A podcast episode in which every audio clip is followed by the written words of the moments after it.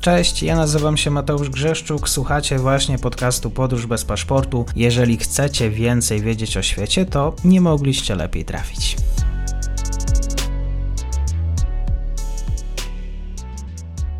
Dzień dobry wszystkim słuchaczom. Powracamy do tematu kanadyjskiego, który też i elektryzuje słuchaczy, nie tylko tego podcastu, ale również innych mediów. Moim gościem jest pan dr Paweł Markiewicz, Program Bezpieczeństwo Międzynarodowe, Polski Instytut Spraw Międzynarodowych. Dzień dobry panie doktorze, dziękuję za przyjęcie zaproszenia. Dzień dobry, serdecznie witam. Trudny temat, rzeczywiście na pewno polaryzujący. Zadam pytanie może na początku, jak w pana ocenie to, co się dzieje w Kanadzie, relacjonują media, nie tylko polskie, ale i światowe, kanadyjskie. Przyznam, że przeczytałem sobie dużo komentarzy, wiele, też i Polaków mieszkających w Kanadzie i samych Kanadyjczyków. I tutaj pokazuje się taki obraz, że kanadyjskie media pokazują te protesty jako taką akcję zorganizowaną przez, jak to nazwę, lokalnych terrorystów, wichrzycieli, którzy chcą w jakiś sposób zdestabilizować samą Kanadę. Z kolei wedle tych, którzy uczestniczą w tych protestach, to nie jest kwestia już e, protestują zaszczepieni, niezaszczepieni,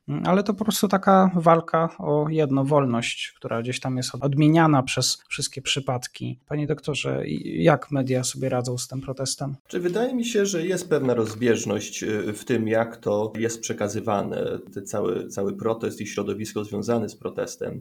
E, rzeczywiście, jak Pan tutaj wspomniał, ta narracja, która wychodzi z sfer rządu federalnego, z służb policyjnych i tak dalej, już się kieruje y, ku temu, jak Pan wspominał, że, że to już przerosło poziom protestu społecznego, a już się robi w pewnym sensie oblężenie stolicy federalnej, czyli Ottawy. Więc myślę, że ta narracja przebija w tej chwili w głównych mediach. Oczywiście wydaje mi się, że, że te drugie spojrzenie, o którym Pan wspomniał, też tutaj jest y, słuszne, słuszne do, do uwagi, ponieważ dla wielu osób ten protest jest związany z tym, żeby, żeby rozluźnić ten cały reżim sanitarny, epidemiologiczny, który w Kanadzie był dość ostrzej wprowadzony niż w innych krajach i w różnych, w różnych instancjach. Tu mam na myśli przy tych różnych falach, gdzie rządy prowincjonalne, lokalne, no i rząd federalny wprowadził różne obostrzenia, przy czym, e, przy czym ich cofała i znów wprowadzała w zależności od, od fali. Oczywiście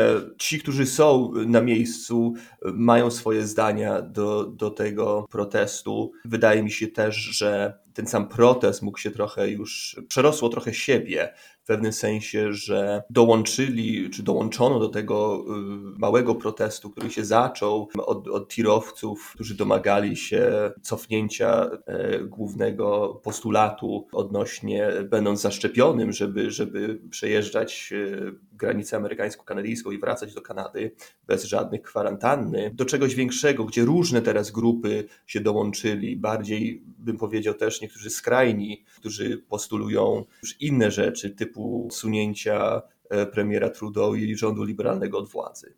No właśnie, myślę, że wielu z nas ma problem, żeby właściwie sklasyfikować ten protest, żeby o nim mówić, bo rzeczywiście to są różne grupy, różne grupy zawodowe, różne polityczne frakcje, ale często też przypadkowi działający na własną rękę obywatele, którzy po prostu chcą dołączyć. Ciężko tutaj y, wyobrazić y, sobie jakąś konkretną grupę, rzeczywiście jest bardzo zróżnicowana. Przyznam, że najczęściej na początku przynajmniej taki dominował przekaz mediów, mediach, że są to jednak, e, jest to tylko ten prawicowy folklor i tutaj pojawiają się na, na miejscu jacyś ekstremiści, członkowie nawet neonazistowskich bojówek, bo i takie hasła się pojawiały. Czy możemy zatem uznać, że jest to po prostu, nie wiem, protest e, po prostu zwykłych Kanadyjczyków, niezależnie od barw poglądów? Czy myślę, że, że w pewnym sensie to jest e, dobre określenie na, na to skupisko, który, które protestuje. Zdecydowanie, jak wspomniałem, wiele osób się dołączyło do tego i dla wielu osób ten protest był jakby iskierka, która spowodowała, że e, mogą różne postulaty już w tej chwili, nie tylko, e, tak jak wspomniałem, ten główny, od, od którego to się zaczęło, ale, ale to w pewnym sensie rozrosło dalej.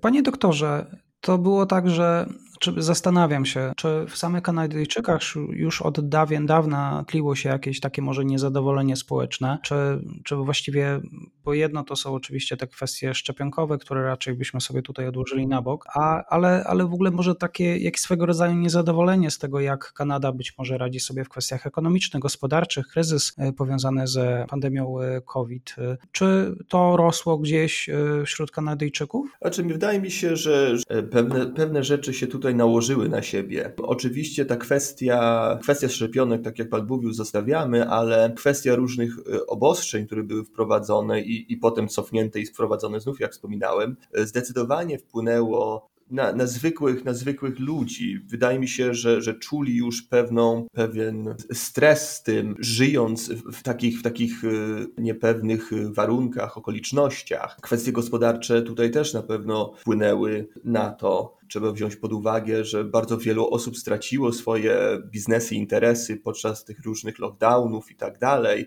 Oczywiście rząd wprowadzał pewne, pewne programy, które pomagały, ale to na krótką metę więc wiele osób straciło swój, swój majątek jakby zawodowy. I też mi się wydaje, że tutaj też y, chodzi o pewien, pewną reakcję na samą osobę i politykę premiera premiera Trudeau. Oczywiście w ostatnich wyborach premier i liberałowie wygrali, ale tutaj y, ta koniunktura polityczna się nie zmieniła po tych wyborach, to znaczy y, ta ilość mandatów w parlamencie została mniej więcej taka sama, a bardzo wiele osób też kwestionowała decyzję premiera, żeby przeprowadzić właśnie takie wybory na skali e, czy na poziomie federalnym podczas pandemii, co też wielu, wielu zwolennikom partii liberalnej się nie podobało.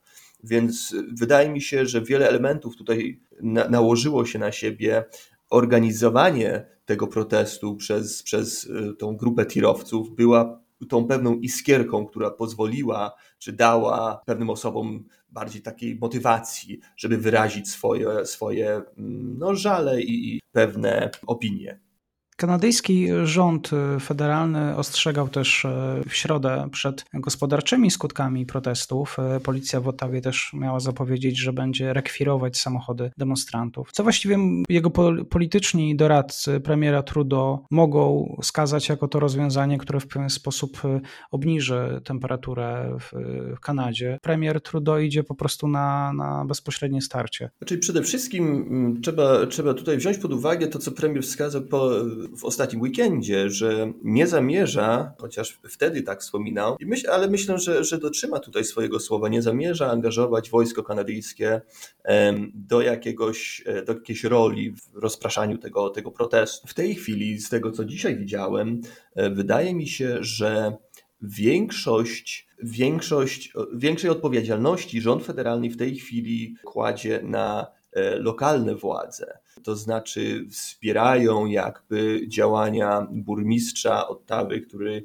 e, zamierza zaangażować więcej policji, żeby e, właśnie tutaj, jak Pan wspominał, e, przeprowadzać pewne aresztowania osób, które przekraczają pewne prawa i tak dalej, żeby jakoś skontrolować czy zacząć skontrolować bardziej ten protest. Ale na razie premier Trudeau się trzyma swojego stanowiska odnośnie y, tych obostrzeń dla, dla tirowców i nie zamierza chyba co najmniej jeszcze poddać się tej, tej presji i nacisku protestu.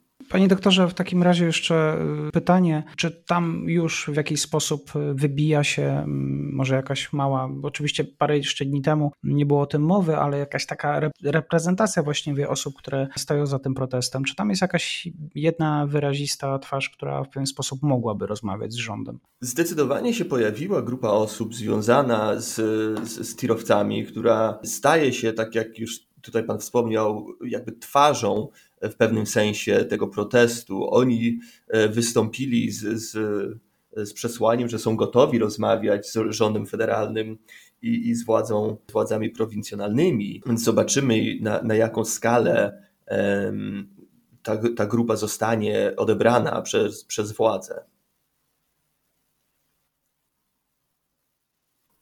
Czy wydaje mi się, że. Znaczy, to jest ciekawe pytanie. Przede wszystkim z tego, co, co słyszymy, co czytamy, bardzo duża grupa tych osób tych tirowców jest zaszczepiona, więc jakby te obostrzenia im w pewnym sensie nie grożą, gdy kursują pomiędzy Stanami a Kanadą z, z towarami ze swoich firm. Jeżeli bym miał jakoś e, to, to określić, to wydaje mi się, że chyba wychodzi z części tego społeczeństwa, gdzie, które czuje się najbardziej jakby zmarginalizowane może pod, w tej całej koniunkturze politycznej, którzy, no w, w tym przypadku też no, pewna część tych tirowców, którzy widzi, że, czy uważa, że te obostrzenia odebrają im pewnej swobody swojego życia, swobody i prawa na co dzień i które jakoś negatywnie wpływają, być może mogą wpłynąć na rozwój ich kariery. A jeżeli chodzi o zbiórkę, to czy rząd kanadyjski, premier ma zamiar coś z tym zrobić, oddać te pieniądze protestującym? Sama zbiórka tak, sama zbiórka została zamrożona przez stronę GoFundMe, gdzie, gdzie to było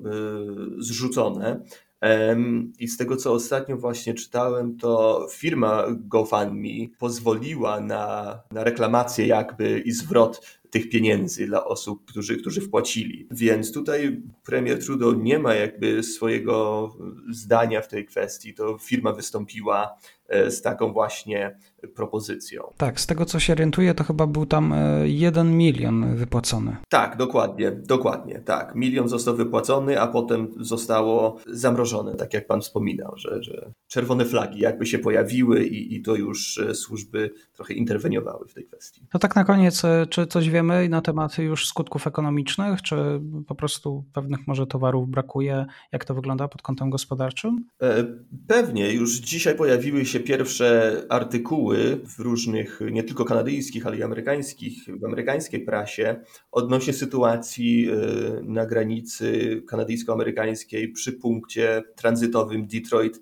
i Windsor, prowincji Ontario, czyli w tym jeden z tych głównych E, lądowych korytarzy, na którym około 25 do 30% e, wymianu towaru handlowego pomiędzy Stanami a, a, Kanadą kursuje. Tutaj głównie, że warto, warto podkreślić, że, że główne elementy, które przechodzą pomiędzy oba stronami są części samochodowe i tutaj już e, było widać, że na przykład po stronie kanadyjskiej punkt produkcyjny Forda musiał wstrzymać e, produkcję swoją przez kilka, kilka dni z racji na to, że części nie dotarły i vice versa. Części z Kanady, które, które płyną do Stanów też, czy jadą do Stanów też nie dotarły, więc pewne konsorcja e, samochodowe tam też musiały wstrzymać na, jak oni to mówią, czy jak oni piszą, tymczasowo raczej produkcję pewnych e, silników czy, czy części szerszych, większych części samochodowych, więc już widzimy, że, że